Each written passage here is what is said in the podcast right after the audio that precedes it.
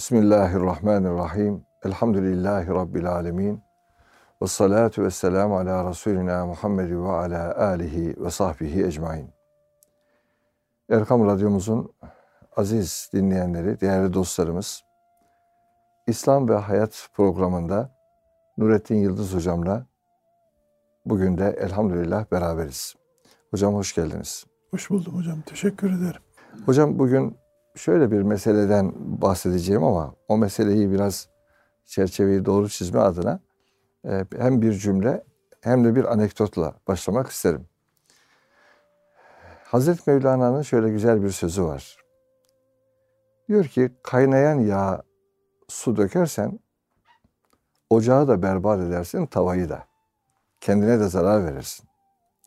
Onun için sözü hem doğru söyle, hem yumuşak söyle, hem güzel söyle der.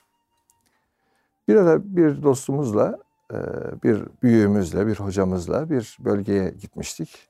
Orada bir e, birisine bir şeyler söylememiz gerekiyor.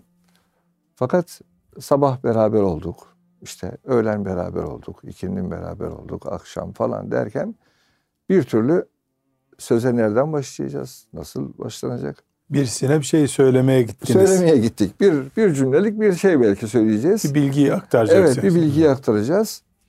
O hocamız dedi ki, Ademciğim dedi, bazen bir sözü söylemek için 24 saat bile yetmeyebilir. Sözün demini e, bulacaksınız, zamanını bulacaksınız.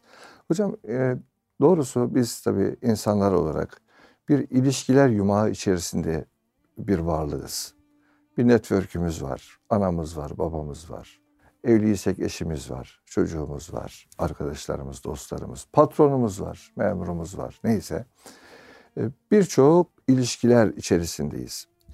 Ve bu noktada da doğrusu hani bir şeyin zamanını, mekanını, e, tavrını, şeklini belirleme noktasında da çoğu zaman diyelim belki isabet kaydedemeyebiliyoruz. Bu da nice nice yaralanmalara, nice nice ayrılıklara, nice nice kırılmalara, e, uzaklaşmalara sebep oluyor. Bu yaşadığımız afet dönemi e, için söyleyeceğim. Mesela işte oraya şöyle insanlar gitsin, böyle insanlar gitsin. Bu afet zedelerle buluşma noktasında. Peki gitsin de e, ne söylesin? Söylesin mi? Sussun mu? Sadece dursun mu? E, bu noktada doğrusu hani bu ilişkilerde zaman, mekan, muhatabın tavrı, duruşu konusunu konuşalım. Buna bir illa başlık koymamız gerekmiyor ama bu yaşanan hayatta hepimizin her an yaşadığı bir süreç. Bu konularla ilgili tecrübeleriniz olmuştur.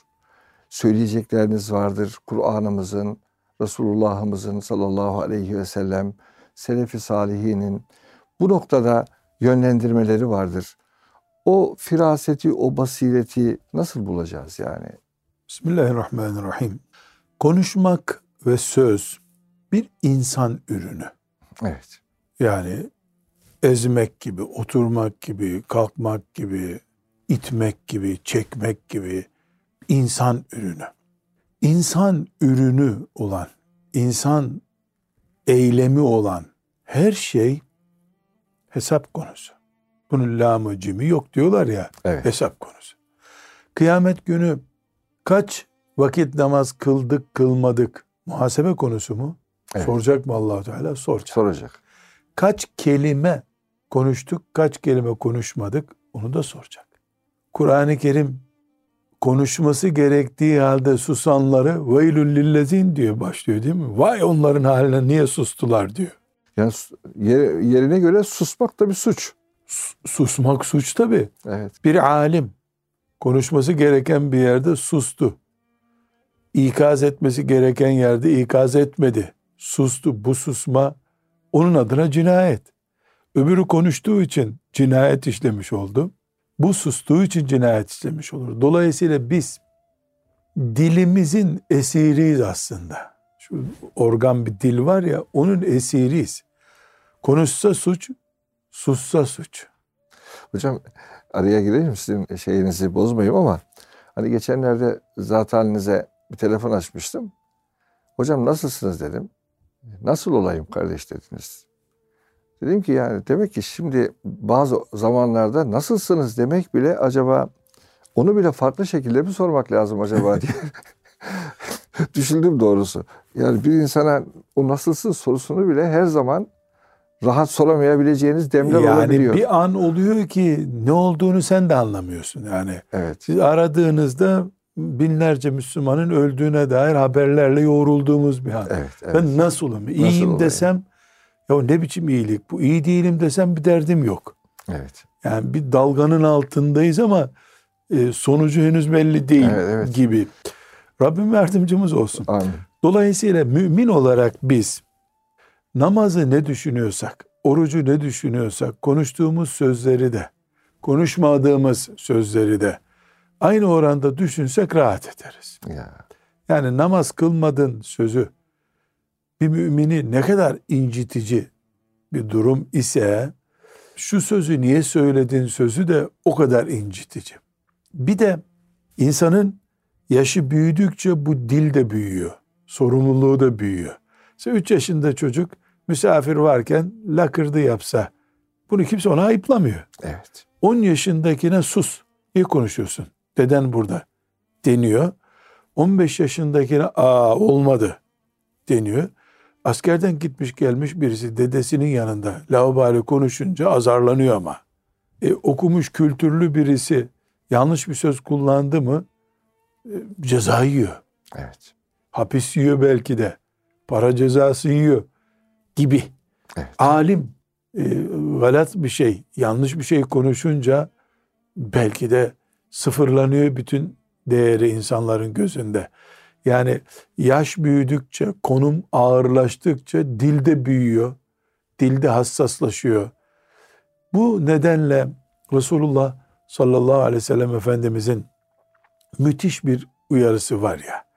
İnsanlar cehenneme hep bu dillerinin ürettiği şeylerden dolayı giriyorlar. Evet. Yani Muaz radıyallahu anh şaşırıyor ya Resulullah iki lakırdının da hesabını mı vereceğiz? Sorunca ne buyuruyor Efendimiz sallallahu aleyhi ve sellem? Helle kubbun nase ala vucuhim illa hasaidu elsineti. Ya. Yani bu insanlar cehenneme niye sürükleniyorlar zannediyorsun? Hep dil sonuçları. Hocam nedir ne değildir dilimizin ağırlığını örtmek için müthiş bir ölçümüz var.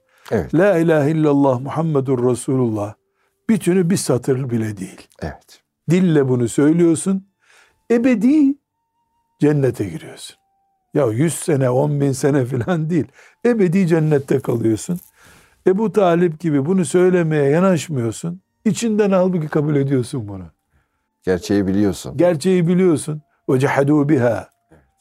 Ve isteykanetha enfusuhum. Evet. Yani içinden biliyorlar aslında. Ama şu dille bir söyle şunu ya. Bir okey işte gibi bir cümle çıkar çıkarmıyorsun. Sonsuz cehennemde kalıyorsun. E, ne kadar mübarek bir söz hadis. Yani hasaidu elsineti. Evet. Yani bu dil ürünleri bizi ebedi cennette veya ebedi cehennemde bırakıyor olduktan sonra dünyada 3 5 ceza iyi güzel hiçbirinin bir değeri yok. Şunu da yani büyük bir ölçü verdik. Cennettir, cehennemdir. Şuradan çıkacak iki kelime dedik. Başka bir örnek vereyim. Yani 60 yıl bir arada huzurlu, afiyetli yaşamış aileyi, Evet. karı kocayı alalım. Geri gel gel gel gel onların 60 yılına, nişandan önceki günlerine geri gel gel. Ne kadar güzel kadınsın. Seninle evlenebilir miyim? Sözüne dayandığını göreceksin. Bir cümle. Cümle bile değil ya. Evet. Sana aşıkım sözü kelime sadece. Yani o söze öbür tarafı kilitliyor. Kendisi de esir oluyor sözüne. 60 yıl, 70 yıl Allah'ın verdiği ömrü mutlu geçiriyor. Bir gün eve geliyorsun, gönül kırıcı bir cümle kullanıyorsun. Bir daha huzur yakalayamıyorsun. Çocuğun oluyor, torunların oluyor. Gene o sert adam, gene o hırçın kadın diye işte özetleyeceğimiz üslup bitmiyor. Yani bir söz Allah ile aramızı düzeltiyor, bizi cennete koyuyor. Bir söz bizi şeytanın adamı yapıyor maazallah. Ebedi cehennemde kalıyorsun. Bir söz bir kadını sana esir ediyor. Sen bir kadına esir oluyorsun. İki taraftan da cari bu. Dolayısıyla söz deyip bir kenara geçemezsin. Hani diyor ya söz vardır iş bitiriyor. Söz vardır baş yitittiriyor. Ya bu da çok değerli bir Evet, evet. söz. Binaenaleyh biz Müslüman olarak ağzımızı ya da dilimizi kesinlikle boş bırakamayız. Yani bunun bir ayarı olması lazım. Bu ayar iki şeydir. Bir Allah'ın razı olup olmayacağı şey. İki insan olarak menfaatimize olan şey. Ve bu menfaatimizi Allah'ın razı olacağını, olmayacağını bizim aklımız belirlemeyecek. Karşı tarafın anlayıp anlamadığı belirleyecek. Evet. Yani O zaman hocam esas tabii muhatabı yani karşıdaki insana onu ölçü o, alacağız. onu ölçü alacağız. Tabii. O o zamanı yani şimdi bunun zamanı mı diyor mesela bazen bir söz söylüyorsun hocam. Aldığınız Benim için cevap, zamanı. evet, için Söyledi, zamanı. Söylediğime göre bana göre zamanı. Evet. Ama o ona göre zamanı olmayabiliyor. Mesela hani bir şey var ya hocam. Bir insan vefat ederken e, yanında hani Kelimeyi tevhid Evet, telkin kelimeyi tevhid telkin ediyorsun. Aslında çok güzel bir şey telkin ediyorsun. Ama ısrar etme diyor. Değil mi? Israr etme diyor. Belki adam içinden tekrar ediyor, dili dönmüyor o esnada. Evet. Sen e, yahu söylesene kelimeyi tevhid, çabuk gavur gideceksin yoksa filan Evet. desen adama çirkin bir cümle söylettireceksin. İhtimal adamın din gitti, iman gitti. Yani son nefesini adam da verdi. Bir daha tövbe şansı da yok. Evet. Yani ne kadar riskli bir şey. Bir, Bakınız çok kelimeyi tevhid söylüyorsunuz değil mi hocam? sen tekrar ediyorsun, ona hatırlattırıyorsun mesela. Mesela. Ama onun söyleyiş tarzın, söyleyiş tarzın belki onda Allah korusun ona karşı bir tepki bile doğurabilecek. Tabii. Ee, yani onun için o muhatap kitleyi hani e, muhatabı diyelim, muhatabın halet ruhiyesini doğru değerlendirmek gerekiyor sanki. Bir hatıra gibi bir şey anlatayım Evet. hocam. Bir ziyarete gitti bir eve. Küçük bebek var. Herhalde annesi bize bir kahve yapmak için gitti. Çocuk da ağlamaya başladı. Yani böyle 6-7 aylık bir çocuk.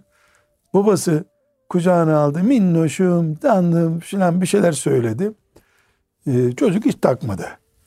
Üzüldü de adam şimdi yani bizim rahatsız olduğumuzu zannetti.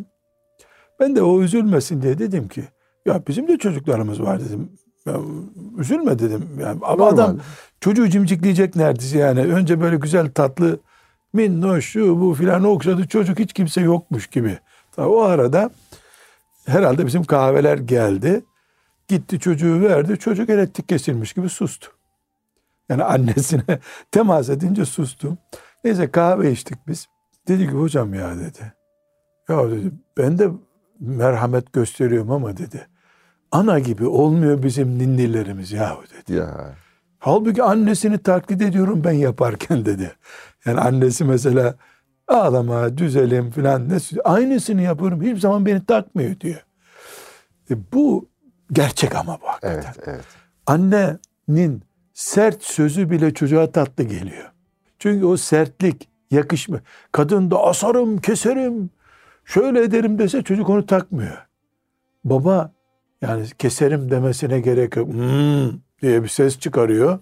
Çocuk yani deprem oldu zannediyor. Susuyor çocuk. Demek ki dil kullanım Evet. ayarlarımız bile doğal olduğu zaman başka oluyor Evet. yapay olduğu zaman başka oluyor. Yani doğal dil annenin dili işte.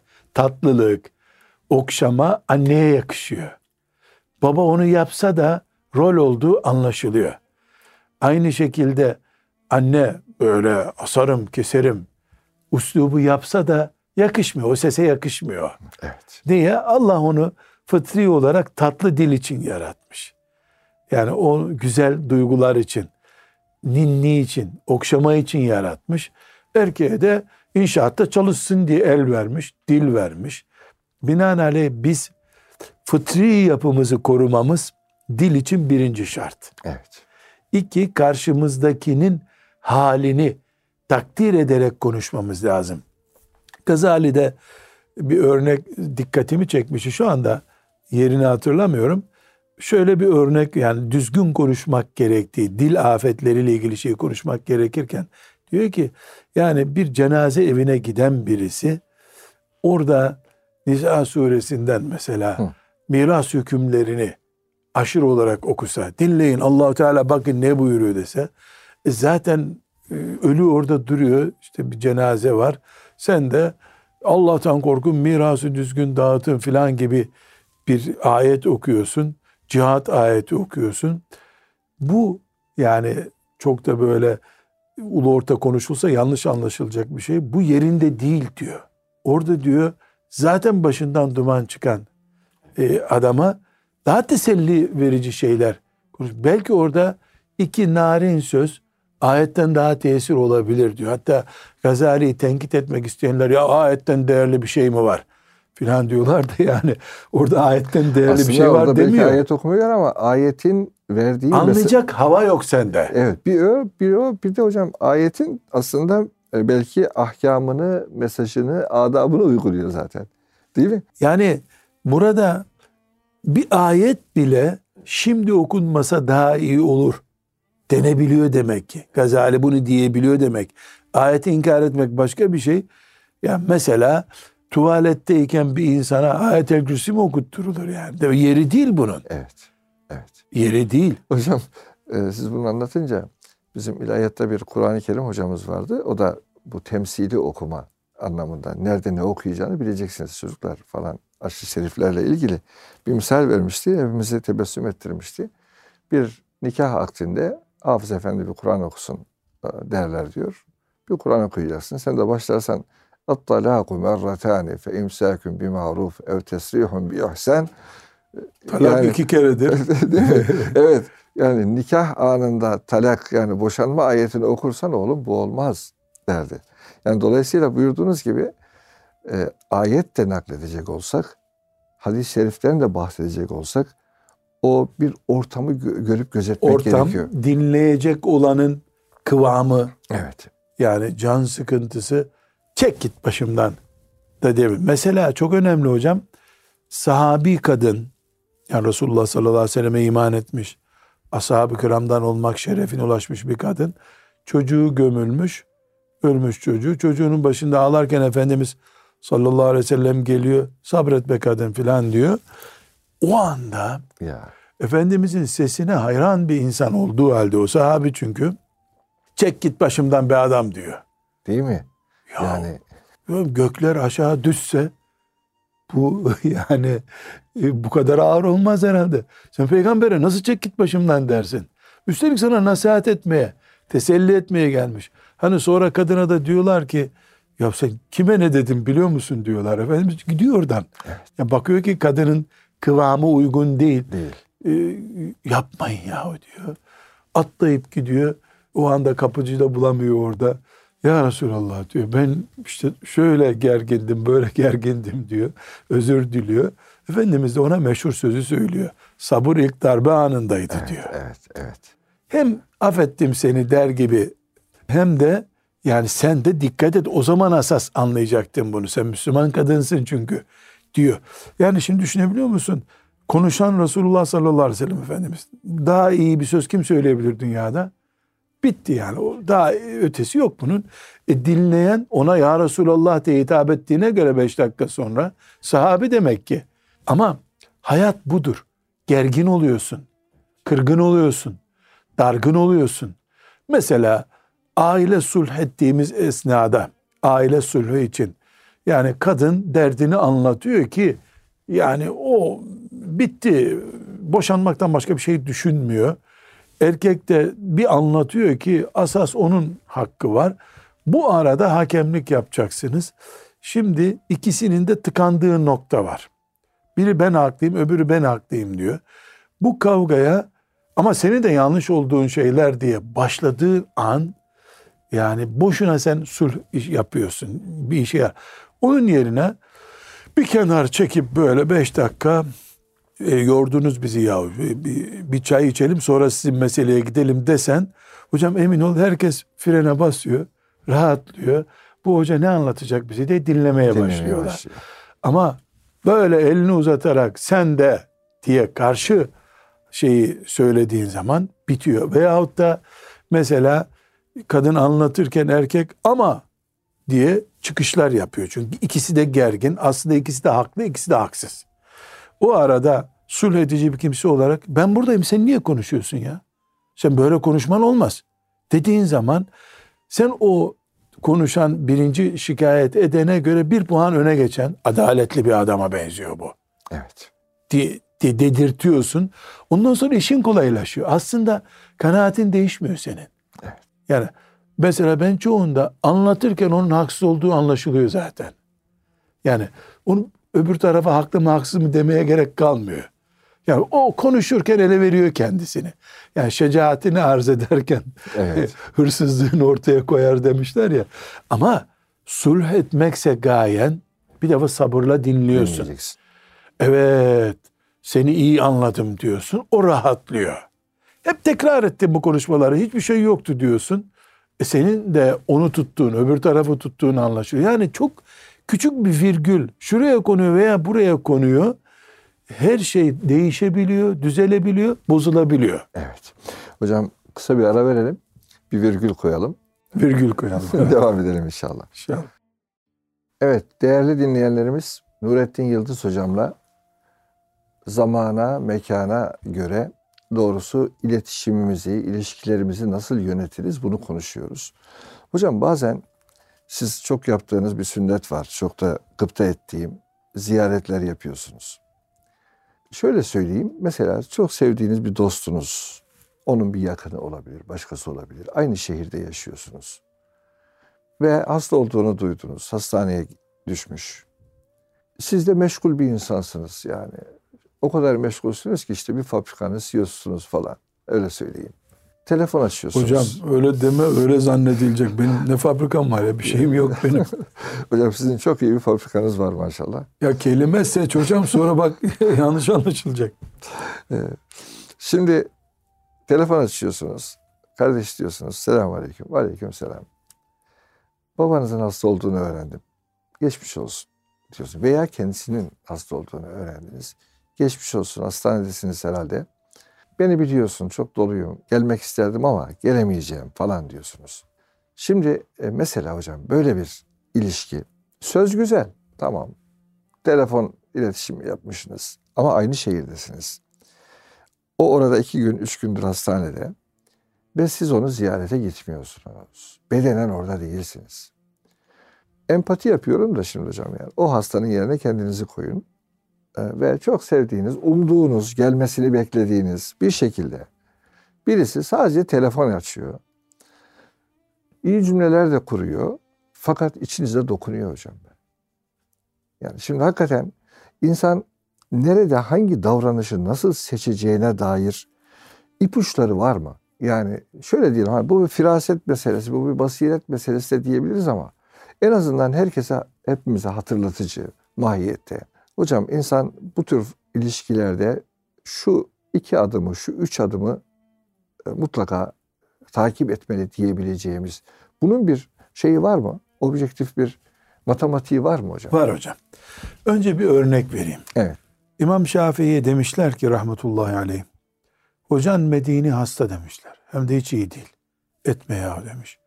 Kalkmış gitmiş hakikaten Hasta. böyle sırılsıklam deniyor ya, yatıyor. Onu öyle görünce çok mahzun olmuş. Evine dönmüş hastalanmış üzüntüden. Kendi şiiri var bunu anlatıyor. Allah Allah. İmam Şafii'nin bir divanı var. O divandaki şiirlerden biri. Sonra o da yatalak olmuş bu sefer. Hocasına demişler ki Muhammed bin İdris seni ziyarete geldi. Yani İmam Şafii. İmam Şafii seni ziyarete geldi. Çok üzüldü senin haline. O da hastalandı demiş. Yapma yahu demiş. Beni sal yapın götürün ona demiş. İki kişinin omuzuna e, tutunarak yani iki, çünkü yürüyemiyor o da ağır hasta.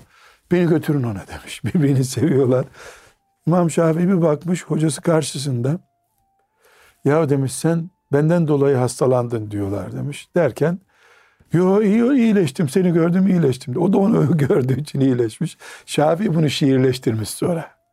Böyle dörtlük bir mısra halinde.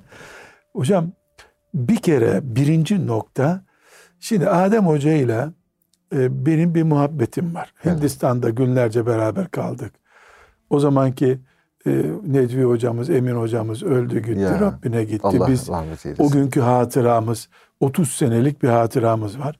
Bu vakıfta onlarca mümin kardeşimle de ben tanışıyorum. Beni görünce selam veriyorlar, kucaklıyorlar. Ama Adem Hoca ile frekans noktamız çok farklı. Evet. Düğmenin neresine dokunsan Adem Hoca'dan ayar çıkıyor. Öbürünü şurada görürsem sadece hatırlıyorum. E, Dolayısıyla muhabbetin bir düzeyi var. Evet. Bir de Allah'ın kurduğu sıla-i rahim bağı, baba oğul ilişkisi başka, kuzen ilişkileri başka. Başka. Bu noktayı önce tespit ediyoruz. Yani İmam Şafii hasta hocasını görünce hastalandı. E başka hasta da vardı Bağdat'ta o zaman. Ama onların yüzünden hastaneye düşmedi hemen. Demek ki bir yakınlık düzeyimiz var. Bu yakınlık Allah'ın kurduğu akrabalık bağından olur. Aramızdaki muhabbetten olur. Evet. Dolayısıyla onun hastalığı yumurta ikizi gibi bana bulaşacak kadar hemen kendimi kahredeceğim kimse olması gerekir. Ya çok üzüldüm Rabbim şifalar versin demek düzeyinde olur. Bu düzeyi belirlerken mesela ağabeyimi ben arıyorum. Abi duydum hastaymışsın öyle mi ya? Bu yakışa kalan bir şey değil. Abin senin. Babadan sonraki yedek baba. Yani bunu sen nasıl duydum abi hastaymışsın. Anında orada olman lazım. Almanya'daysan bile arayıp abi ilk uçakla geleceğim demen lazım. Ya da ben de senin gibi hastayım gelemiyorum dem. Ya da salgın hastalık var doğru değil, caiz değil girmemiz çıkmamız demen lazım. Yani bu düzey hiç bir insanla öbür insan arasında aynı değil. Aynı değil. Olamaz zaten. Eşler arasında düzey aynı olabilir mi? Baba oğul, anne kız arasında düzey aynı değil. Ama olağanüstü mücbir sebep diye bir şey var. Deprem mücbir bir sebeptir mesela. Çıkıp gelemiyorum. Salgın hastalık mücbir bir sebeptir. Yani mücbir bir sebep hukuki bir deyim. Yani elim kolum bağlı anlamında. Yoksa işler çok yoğun.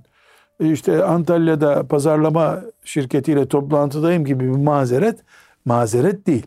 Birincisi bu. İkincisi mesela e, bütün mümin kardeşlerimi arıyorum. Benim masamda aranacak hasta listesi var. O, o listeye göre mesela kimin hasta olduğunu öğreniyorsam bayansa onu ayda bir mesaj yazıyorum nasılsınız diye kanser tedavisi görüyor. Bir erkekse daha rahat telefon ediyorum. Mesaj yazmıyorum. Bundan sonra bakıyorum ki konuşmakta zorluk çekiyor. Ee, onu WhatsApp'tan sana ben yazacağım. Sen uygun olunca bana cevap yazarsın diyorum. Onu aramızdaki ilişkiye göre arıyorum. Genelde mesela hocam sen aradın ya ya ben ameliyat oldum say filan tamam diyor. Kimisi sen beni arama rahatsız oluyorum meşgul oluyorsun diyor. O aramızdaki muhabbetten kaynaklanıyor. Ama e, diyebilirim ki 100 telefonumdan 95'i hasta e, Müslümanları aramakla geçiyor. Hocam mesela bugün öğrendim, gıpta ettim yani. 12 yaşındaki bir delikanlıyı hasta ziyarete gidiyorsunuz evine. Gideceğim. Hasta şeyden bu afetzede olarak değil mi gelmiş? 12 yaşında bir delikanlı. Sizi onun oraya kadar götüren şey ne Şimdi yani? delikanlı dediğiniz Delikanlı çocuk yavrumuzun- diyelim. Yavrumuz. yavrumuzun annesi ve babası yanında ölmüş depremde. Ha, Allah rahmet. Çocuk da benim Mağaradan Arşa diye kitabımı okumuş bir çocukmuş. Hoca gelsin annem babam nerede bana anlatsın demiş. Allah. Çocuk davet etti Aslında beni. birebir tanışmıyorsunuz o çocukla değil mi? Hatay'ı ben nereden bileceğim? Hatay'da çocuk. Hatay'daki bir olay bu. Şimdi buraya ben ezan okundu sabah namazına gidiyorum gibi gideceğim. Hatta işte abisine haber gönderdim. Ne hediye getireyim dedim. Sormuş ona kendisini istiyorum demiş. Maşallah. E tabi. Fetaneti yüksek bir E çocuk delikanlı. kıpırdayamıyor da şu anda tedavi süreci devam ediyor. E burada ben demek ki büyük bir para edeceğim. O çocuğa benim yapacağım hiçbir nasihat de yok. Nurattin amca geldi, hoca amca geldi. İşte öptü beni, dua etti. İşte bu kadar yani. Bir saatte oturamazsın. Çocuk hasta çünkü tedavi görüyor. E, ama 10 sene sonra, 20 sene sonra onun için tatlı bir hatıra bu. Evet. Yani devlet adamları gibi e, herkese gidemeyeceği için sağlık mesajı yayınlarsın. Bayram tebriğen bir biz o konumda değiliz. Yani gönül gönüle girmemiz gereken konumdayız. Bu birinci nokta çok önemli. Ben önemli. ve o ne noktada duruyoruz? Evet, evet. E mesela çok değerli bir hanımefendi, bir yabancı erkek olarak ziyaretine gitmeyeceksin herhalde. Ona eşinle haber göndereceksin. Çok dua ediyorum, geçmiş olsun diyoruz. E talebelerim oluyor mesela ona WhatsApp'tan yazıyorum. Geçmiş olsun diyorum. E, mesela çok narin bir örnek vereyim. E, bir hanım doğum yaptı. E, bir mahremi olmayan bir erkek olarak tebrik ederim Allah mübarek etsin yakışa kalmaz. Evet. Ona hanımını gönderirsin. Evli değilsen ablanı gönderirsin. O arada kullandığın cümleler de yine Müslümanlık kalitesine uygun cümleler olacak. Öyle ulu orta filmlerde kullanılan "Ee, maşallah çocuk da sana benziyor harika filan böyle olmaz. Mesela çok na- güzel bir örnek vereyim. Yani bu çocuk annesine mi benziyor diye yabancı biri sormamalı. Dayısına mı benziyor demek lazım. Bizim anla edebiyat veya bir belaat değil bu. Bu insanlık. Yani mahrem değilim. Teyzem değil, dayımın, e, dayımın hanımı. Teyzem değil ama. Dolayısıyla benim yüz göz olmam caiz olmayan birisi. Ben eğer yüz göz olmadığım birisine annesine mi benziyor bu çocuk dersem yani bu müphem sorular getirir. Evet. Şeytana malzeme üretiriz burada. Burada ne denir? Dayısına mı benziyor denir. Hocam ne kadar önemli ya. Aslında şu kalıp cümleler en azından. Şu, e, tabii bunların her biri hocam kitaplardan da bulunmuyor. Hayat bunları öğretiyor. Hayat öğretiyor demek. Bir örnek zikredeceğim. Bilmiyorum Tabii. vaktimiz var mı? Sizin Var- saatiniz var, var. hep hızlı dönüyor. Yok yok o saati ayarlıyorum ben hocam. Abdurrahman Gürses Evet. Hoca Efendi'den rahmetullahi aleyh belki yeni nesil bilmiyordur. Yani Cumhuriyet döneminde Kur'an-ı Kerim'i sesiyle, kıraatiyle ayakta tutan Allah dostlarından kurra vasfı taşıyan Müslüman büyüklerimizden biri. Epey oldu vefat edeli yani 20 seneden fazla oldu rahmetullahi aleyh. Ben hocamdan dinledim. Onunla böyle yakın ilişkisi olan. O da hocama anlatmış. Ee, bir gün bir müezzin evine çağırmış hoca efendiyi. Hocam bize bir kahvaltıya gelin. O da peki demiş gitmiş. Kahvaltı yapmışlar. Bu kulağına eğilmiş yavrum demiş. İhtiyaçların tuvalet sorunu var. Benim ihtiyacım var beni tuvalete götür demiş. Yani evde tuvalet izni istemiş. Tabii. Hoca efendi 80 yaşını aşmış birisi. O da gitmiş, hazırlamış tuvaleti. Tutmuş hoca efendiyi götürmüş, tuvaletin kapısını açmış. Buyurun demiş. Şimdi buyurun sözü, hocam buyurun demek. Hoca efendi sinirlenmiş, dönmüş, edepsiz demiş. Sofraya buyurun denir, tuvalete müsaittir denir demiş. Şimdi bir Allah dostu insan, halbuki ne farkı var yani? Buyurun buyurun işte buyurun geçebilirsiniz manasında. Yani bilmem o hocanın yerinde ben olsam ne olurdum artık yani. Herhalde günlerce kimseye selam veremezdim geliyor bana. Çünkü onun dönüp hakaret etmesi tokatından fena yani. Tokattan da fena bir şey. E, Ama müthiş bir insanlık var. Müthiş bir nezaket, var Nezaket var. beyefendilik var. Nerede ne söyleneceği yani bu müthiş bir şey. Mesela Abdurrahman Gürses Hoca Efendi'ye yeri nur olsun okuduğu Kur'an harfleri kadar Allah rahmet indirsin Amin, ona. amin. Ona görüşmeye gelmiş, ziyarete etmiş birisi, oğlu yaşında, kızı yaşında birisi. Kendinize iyi bakın Hoca Efendi dese ne derdi merak ediyorum. Ya kendine iyi bak ne biçim cümle bu ya? Bunu nasıl sen karşındakine söylersin? Kendine iyi bak. Bu bir emir cümlesi. Rabbim size afiyetler versin. Evet. Başımızdan eksik etmesin. Öyle bir insana söyle. İnsan oğluna der oğlum kendine iyi bak. Evet. Okula gidiyorsun. Yani ba- oğluna, kızına, belki de kendine e, denk olan birisine iyi bak kendine diye bir cümle söylenebilir. İnsan mesela Almanya'dan kalkıp beni ziyarete geliyor, elimi öpmeye çalışıyor filan. Sonra gözyaşı e, akıtıyor. Dönerken hocam kendinize iyi bakın diyor. Baş üstüne diyorum ben de. Anlasın ne demek olduğunu diye. Yani bu Almancadan, İngilizceden tercüme ediliyor olabilir. Onların dili bunu kaldırıyor olabilir. Ama bizim dilimiz e, kendine iyi bak diye söylemeyi kaldırmıyor. Ha filmlerde kullanıldığı için Oturdu bu. Galatı meşhur e, fasih hale geldi. Onu ben bir şey demiyorum yani haramdır manasında söylemiyorum ama bana söylendiğinde baş üstüne diye refleks gösteriyorum. Evet. Hocam e, bir anekdot da ben anlatayım. Biraz daha genç yıllarımızda bir yerde Bir zamanlar genç miydiniz hocam? idareci öyleydik efendim. bir yerde yurt idaresinde bulunuyorum. E, Yurt müdürü olarak çalışıyorum. Bir hocamızı aramak gerekti. O zaman tabii cep telefonları yok.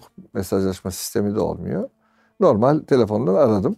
Odasında bir başka hoca efendi var. Efendim falan hocamızla görüşmek istiyorum. Evladım dedi şimdi burada değil dedi hoca dedi. E, bir dedi abdest alıyor dedi. Peki efendim dedim. Aradan geçti bir 10 dakika bir daha aradım. Yine aynı hoca efendi çıktı şimdi. Hocam dedim falan hocamızla görüşecektim. Dedi ki evladım o dedi yan odaya arkadaşının yanına geçti dedi. Peki efendim dedim. Üçüncü kez bir daha aradım. O zaman da bir başka yerde ama bu sefer şöyle bir söyleyesim geldi içimden. Sanki söylemedim ama o sözü. Ee, üç defa da aradım ya hocam. Sanki ona bir vazife verecekmişim gibi. Ee, yani beni hoca arayabilir gibi. O cümleyi söylemedim ama o zat dedi ki, o da müeddep bir insan. Evladım dedi, ben size hocama söylerseniz beni arayın, edepsizliğinde bulundurmam yavrum dedi. ama dedi sizin aradığınızı söylerim dedi. Sizin aradığınızı söylerim dedi. Yani hak, hakikaten dedim ki yani hakikaten hocam bu edep dediğimiz ya da bu ilişkilerdeki nezaket dediğimiz şeyin de bir sınırı yok ya. Değil mi yani? Bir üst, üst sınırı Hocam yok. herkes ağırlığı kadar tartacak. Ağırlığı kadar. Evet. Ağırlığı kadar, kapasitesi kadar. Burada bir problemimiz var hocam. Çok az Türkçe kelime biliyoruz. Türkçede kelime yok değil ama. Evet. Çok az kelimeyle Türkçe kullanıyoruz. Bu yüzden yani üç kelime fazla bilene edebiyat yapıyor deniyor. Vay be kelime kırdırıyor. Yani böyle e, çok maharetli biriymiş gibi. Ve gitgide de kelime oranımız düşüyor Düşüyor. düşüyor. Yani mesela 300 kelimeyle Türkçe konuşuyorsak koca bir tarih dilinde yani bir medeniyet dili Türkçe ya. İmparatorluk dili. Böyle bir dilden 300 kelime biliyoruz. 300 kelime bildiğimiz bir dil 10 sene önceydi. Şimdi onlar 250'ye düştü belki. Sınırlı şey biliyoruz.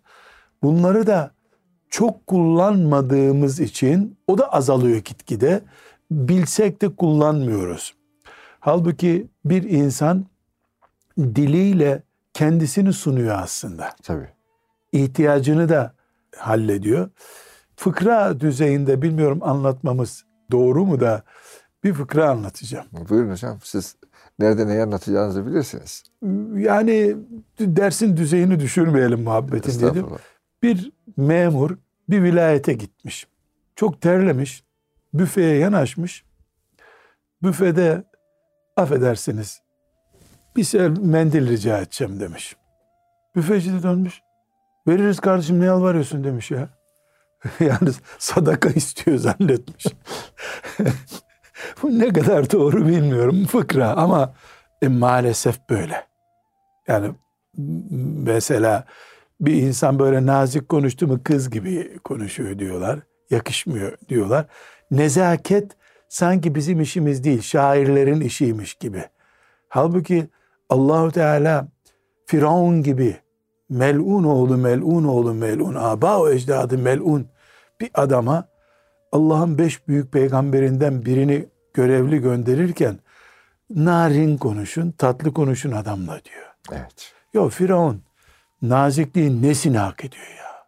Nazik bir baltayı hak ediyor kafasına belki ama sen o firavunluğuna bakarak değil kendi adamlığına bakarak konuşuyorsun onunla. Çok güzel. Yani sen Musa'sın aleyhisselam. Sen Musa gibi konuş.